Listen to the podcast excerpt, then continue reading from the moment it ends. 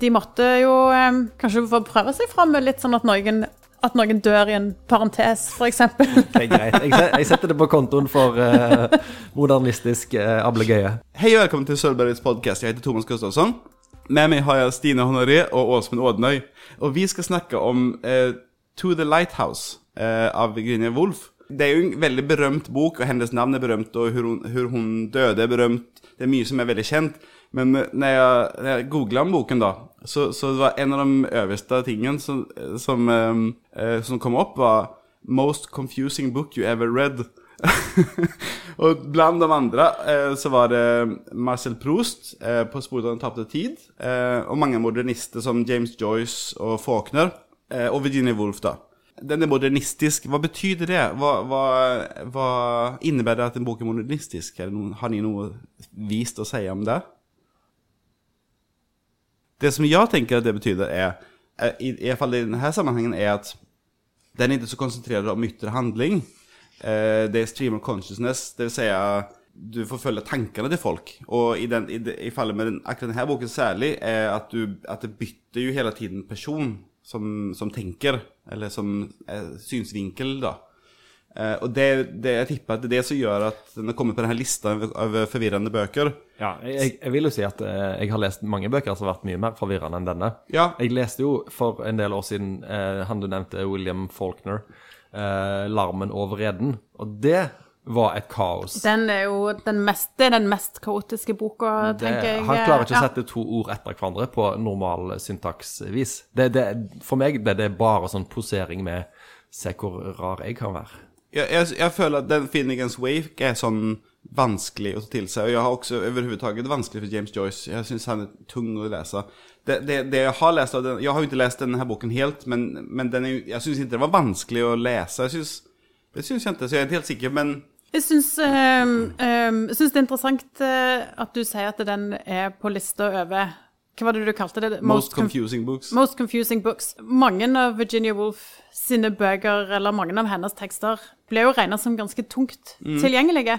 Eh, og jeg hørte en gang på en podkast, en annen podkast enn vår, at Virginia Woolf er en sånn typisk forfatter som ingen møter før de kommer på universitetet og begynner å studere litteratur, fordi at det, det er ganske tungt og eh, ikke så lett tilgjengelig. Sånn at det første møtet med Virginia Woolf skjer typisk på litteraturstudier på universitetsnivå. Eh, men, eh, men eh, det er jo det vi kanskje kan eh, bidra med her, da, å senke den barrieren. For denne boka er jo ikke vanskelig. Denne boka tenker jeg er bare veldig, veldig fin. Jeg er helt enig. Jeg syns jo det, det meste blir eh, gjort klart på de to første sidene. Det begynner med ehm, at uh, Mrs. Ramsey, er det vel, som, som må sies å være hovedpersonen i store deler av boka, uh, sier at ja, vi kan dra til Fyret hvis det blir fint vær. Og så bla, leser vi ei side til, så kommer mannen hennes inn og sier nei, det, er, det blir stygt. Ja, det er nøkkelen. Så det er på en måte litt spenningen mellom uh, herr og fru Ramsey, og som jo har blitt tolka mye bredere enn det, men, men det er på en måte eh, to måter å se verden på som står i sentrum. Så har du alle disse andre perspektivene til de andre folkene som òg er på denne plassen, eh, på denne forblåste plassen langt nord i Skottland. Altså, den åpningen på To the Lighthouse, eller til fyret, er jo, er jo en ganske kjent eh, åpning, eller ganske sånn kjent romanåpning, eh, som setter premisset for hele boka, fordi at han lille yngste sønnen de har jo, Det er jo familien Ramsay på dette sommerhuset på Isle of Sky, eh, og de har jo åtte barn. Ja, det syns jeg er dårlig gjort av en forfatter å gi noen folk åtte barn, som ofte de nesten nevnes bare av og til, så blir det på «Hæ?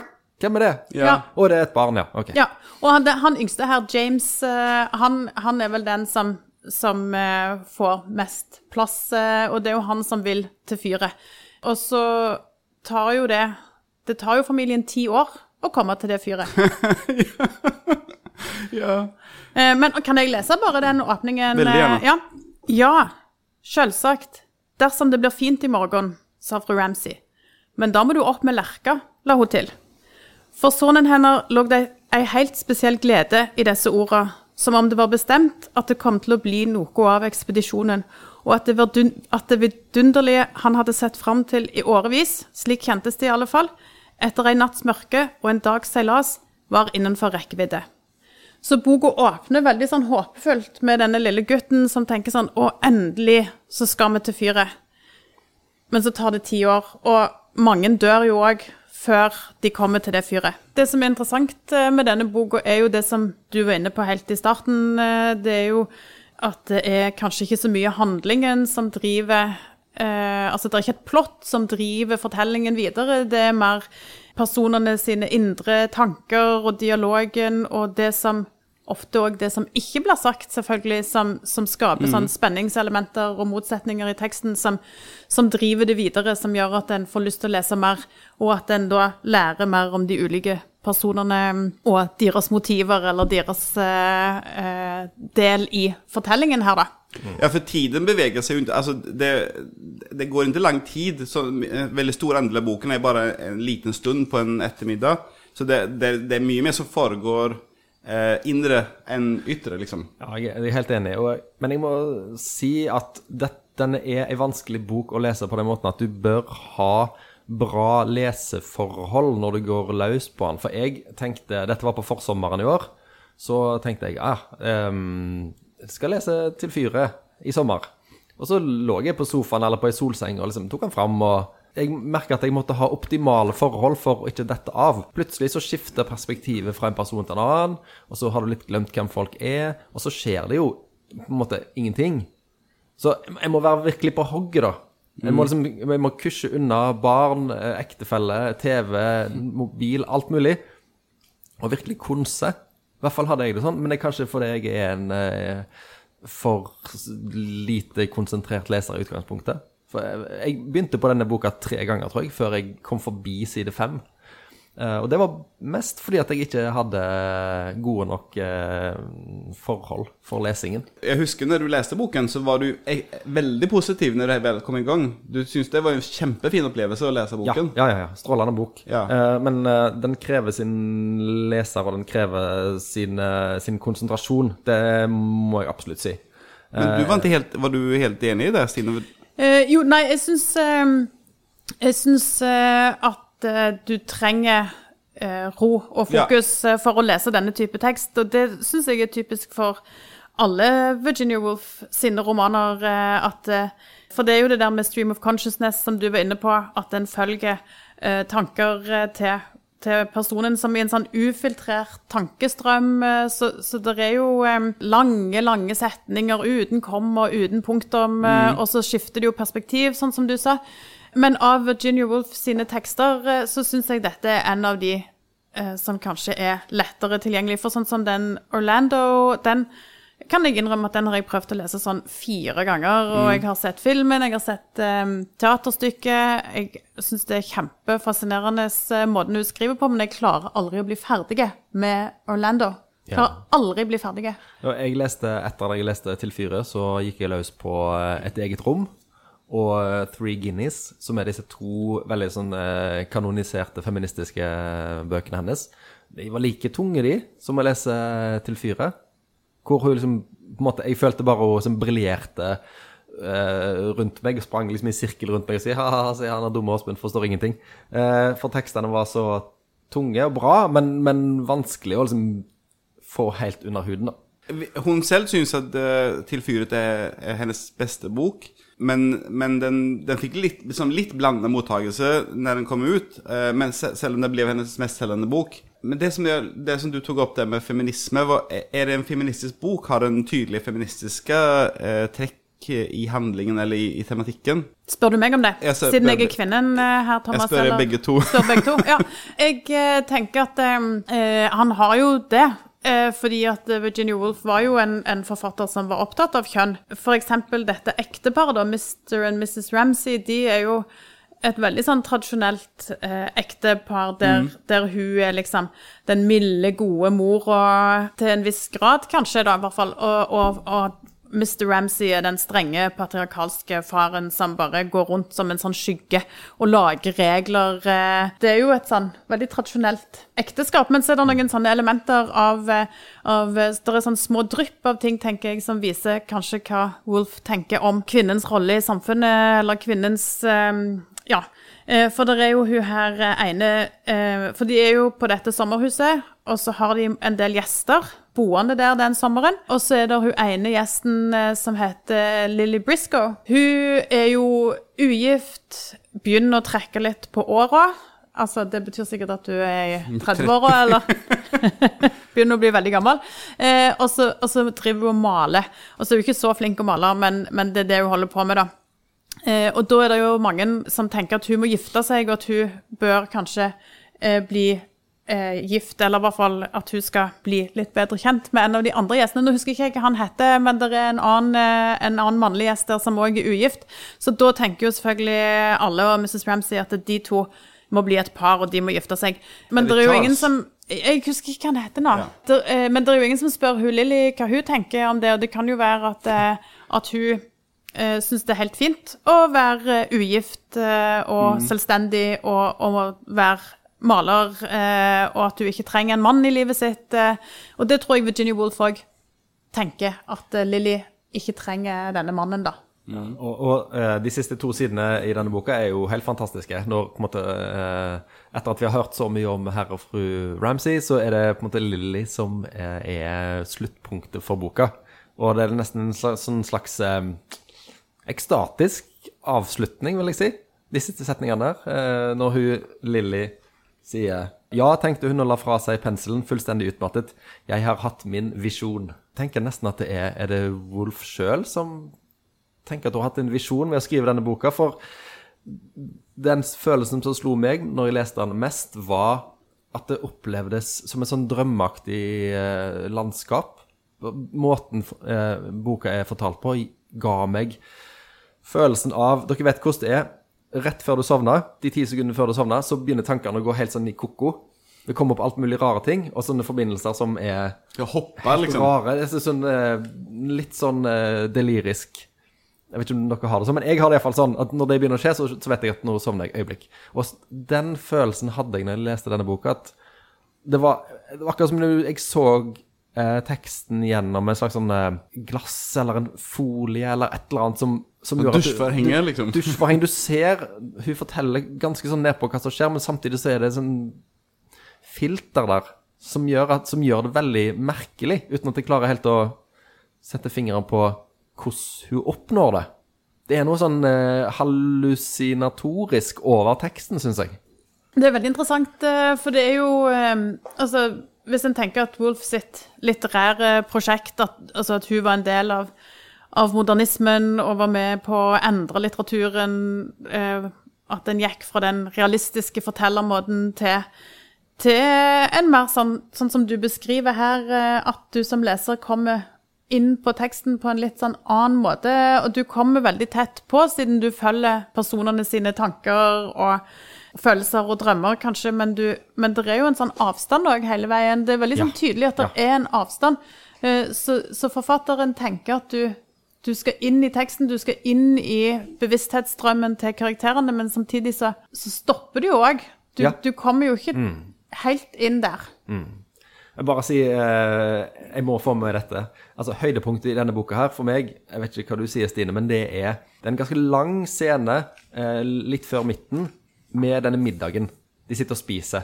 Eller de skal gå til bords, eh, og fru Ramsay serverer og sånt. Og så, idet hun står og øser opp i suppe til alle sammen, så hun liksom Så får hun kjempestor livskrise.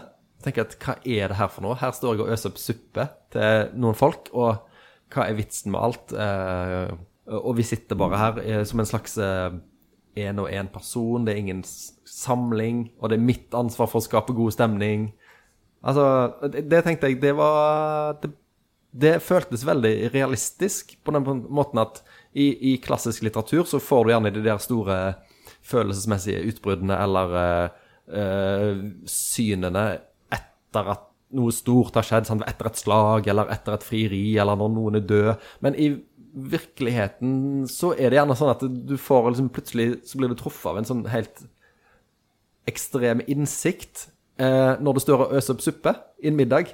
Jeg er kjempeenig. Eh, mer enn at det liksom det er at du står ute på en klippe og ser på havet og tenker at åh, Sånn har jeg det. Eh, det, det den traff meg veldig, altså. Den eh, suppescenen med Mr. Mrs. Ramsay. Suppescenen, ja. Jeg tror jo jeg tror jo òg at Mrs. Ramsay hun blir på en måte presentert som, som eh, den perfekte kona og mor og vertinnen. Sånn ytre sett så skal hun være det. Og hun har jo denne her strenge patriarkalske mannen. eh, Men, men eh, det er jo hele veien en sånn distanse i Mrs. Ramsey til, til det hun gjør, sånn som akkurat det du beskriver, og òg litt når hun er med denne sønnen James, eh, som er den minste, som, som vi får vi får vel mest innsikt i, i hennes forhold til den yngste sønnen. Så hun leser for han, og hun snakker med han, og hun sier at de skal reise til fyret. Men hun er jo hele veien litt sånn distansert til det hele. Ja, Eh, helt enig. det er ikke sånn at, eh, at, eh, at hun går inn i den rollen som mor og kone og vertinne med hele sjelen sin, egentlig. Det er bare Tilsynelatende så gjør hun det, men, men egentlig så Dette er jo noe som f.eks. Nina Lykke skriver mye om i sine bøker. Sant? Det der med å bare presentere en persona for verden, mens på innsida av eh, deg sjøl så, så, så er du et helt annet sted. Altså for eksempel den derre um, Nei og atter nei er vel det liksom, bærende elementet at denne kvinnelige eh, hovedpersonen eh, går rundt og er mor og er kone og alt det der, mens inni seg så er hun sånn lei. Ja, hun er vel òg ganske sint eh, og forbanna, hun er i nei og atter nei. Men Mrs. Ramsey er vel ikke sint heller, hun er bare litt sånn Litt tom, kanskje? litt, Ja, ting går litt sånn eh, automatisk for henne, og hun bare gjør det, og så fordi at hun vet at det det, Veldig det hun pliktoppfyllende, liksom. Ja. Mm. Så Stine, hva, hva, er det, hva er det boken egentlig handler om? Hva er den, sånn, den uh, faktiske uh, tematikken her, liksom? Det er jo uh, det som vi snakket om, at de skal til fyret. Ja. Det er jo det som er på en måte eh, eh, fortellingen her.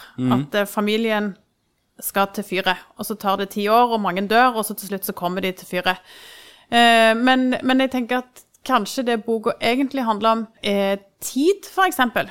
Tiden. Eh, fordi at eh, eh, Altså, tida som går, og livene våre som er forgjengelige. Det er noe veldig sånn trist eh, over det. Og, og når folk dør i denne boka, så dør de jo eh, litt sånn i en bisetning òg. Det skjer veldig sånne store, dramatiske ting eh, eh, bare i en liten sånn bisetning. Eh, sånn som når Mrs. Ramsey dør. Det er jo lov å si at hun Det er lov å røpe det at hun dør. det er att det, ikke det, det fins ikke spoilers egentlig på en sånn her type bok. For det, det, ikke inte den, det, det är inte lagt opp til en spenningsroman på den måten, eller noe sånt. Så det, det går helt... ja, for, altså Midt i det midterste kapittelet så står det i klamme Det her, er- det her er litt sånn Kom igjen, Virginia, Virginia Woolf. Ikke vær så sær. Men der står det i klamme. Fru Ramsay var død nokså uventet kvelden i forveien. Herregud! En måte på hvor sær du skal være, selv om du er modernist, må du liksom gi oss litt mer enn det, da. Her har vi har vært på innsida av fru Ramsay i 100 og hvor mange sider, og så Ja. står det så bare he-he, men vet du hva? Hun døde kvelden i forveien. Men ble du veldig trist da, eller ble du litt irritert på Virginia litt, Woolf? Jeg tenkte det var, dette var litt jålete. Oh, ja, dette, ja. dette var litt sånn litteratursnobberi. Ja, jeg jeg. syns det er veldig trist eh, når Mrs. Ramsay dør, eh, og så tenker jeg at det passer godt inn i i, um, i det med at, at romanen tematiserer tiden, da. Det er jo et kapittel òg som heter 'Time Passes'. Eh, 'Tida går', heter det eh, i den norske oversettelsen. For sånn er det jo. Tida går, folk dør. Ja vel. Det var det. I den andre boken vi skal snakke om, så eh, i en annan, annan episode som heter 'Familieleksikon' av Natalia Ginsburg, så brukar hon ju samma virkemiddel. För då är det en familj och då är det stora händelser som står i parentes, till exempel att eh, mannen, huvudpersonen, dör. Och det, står, och det får man veta många år efter han var död. Och förresten, ja, han döde i, han blev torturerad till döda av nazisterna. Så är det en sånn Eh, jeg, jeg tenker du skal ha en god grunn for å For å behandle liksom eh, det ene det, livets største spørsmål på en sånn måte når det, når det gjelder en karakter du har brukt så mange sider på å introdusere. ja, for hun er jo hovedpersonen, på en måte. sant? Ja, eh, men eh, Men du synes det funker, jeg eh, Jeg syns det funker fint, for hun, hun um, en, må jo, en må jo tenke på tid denne boka ble skrevet. Den ble jo skrevet i 1927. Eh, sånn at det, det var jo eh, sånn da at, at eh, modernistene og Wolf drev og eksperimenterte med form, og de eksperimenterte med, med romanen som sjanger, og de fornyer jo romanen som sjanger, eh, sånn at de måtte jo eh, kanskje få prøve seg fram med litt sånn at noen, at noen dør i en parentes, f.eks. Det er greit. Jeg, setter det på kontoen for uh, modernistisk uh, ablegøye. Ja. Genialitet, liksom. Du bare, om, du, om du er et geni, så får du lov å gjøre som du vil. Men, men jeg tenker vi må jo snakke litt om, eh, om eh, tittelen på boka òg, fordi at eh, eh, Hva var det du sa den heter på svensk, Thomas? Mot, mot fyren. Mot fyren. Ja. Eh, og på norsk så heter den jo Til fyret, To the Lighthouse. Ja, og jeg leste en utgave fra eh, Århundrets bibliotek, som var en serie som ble gitt ut rundt årtusenskiftet. Og der heter han 'De drog til fyret'. Så i den grad spen det er spenning i denne boka, så er det jo 'Kommer de til å komme fram, eller ikke?' Men det- tittelen avslører jo det i den jeg leste. 'De dro til De dro til fyret. Men Ja. jeg jag føler eh, at, at det er en prosess der de dro altså, Og den, på den svenske oversettingen også, at de, mot fyret, at, det- at de er på vei. Jeg føler at i, hvert fall på, på det svenske språket så, det, så viser det en viss subtilitet. En, at, de er, at det er en prosess, da. Hva skulle du si? Nei, Jeg skulle si at eh, kanskje, kanskje ikke Mrs. Ramsey, som dør i parentesen, eh, egentlig er hovedpersonen her. Kanskje det er fyret som er hovedpersonen eh, i denne boka. Ja, Hva for- tror dere om det? Bombe, liksom. Ja. Men er, er de opptatt av fyret alle sammen, av de som er der ute? Eller Er det bare gutten? er, det, er det han lille gutten, og, og da dermed foreldrene òg? Altså, Fyret er jo en sånn tilstedeværelse hele veien, fordi at mm. du kan jo se det fra, fra land. Så fyret er jo der hele veien. Og så tenker jeg at fyret eh, symboliserer på en måte eh, jakten på, på mening. Eh, altså det som en tenker i livet, at en er på jakt etter, etter mening. Eh, at det er det fyret symboliserer i denne romanen. Eh, og de bruker jo en evighet på å komme seg til det fyret.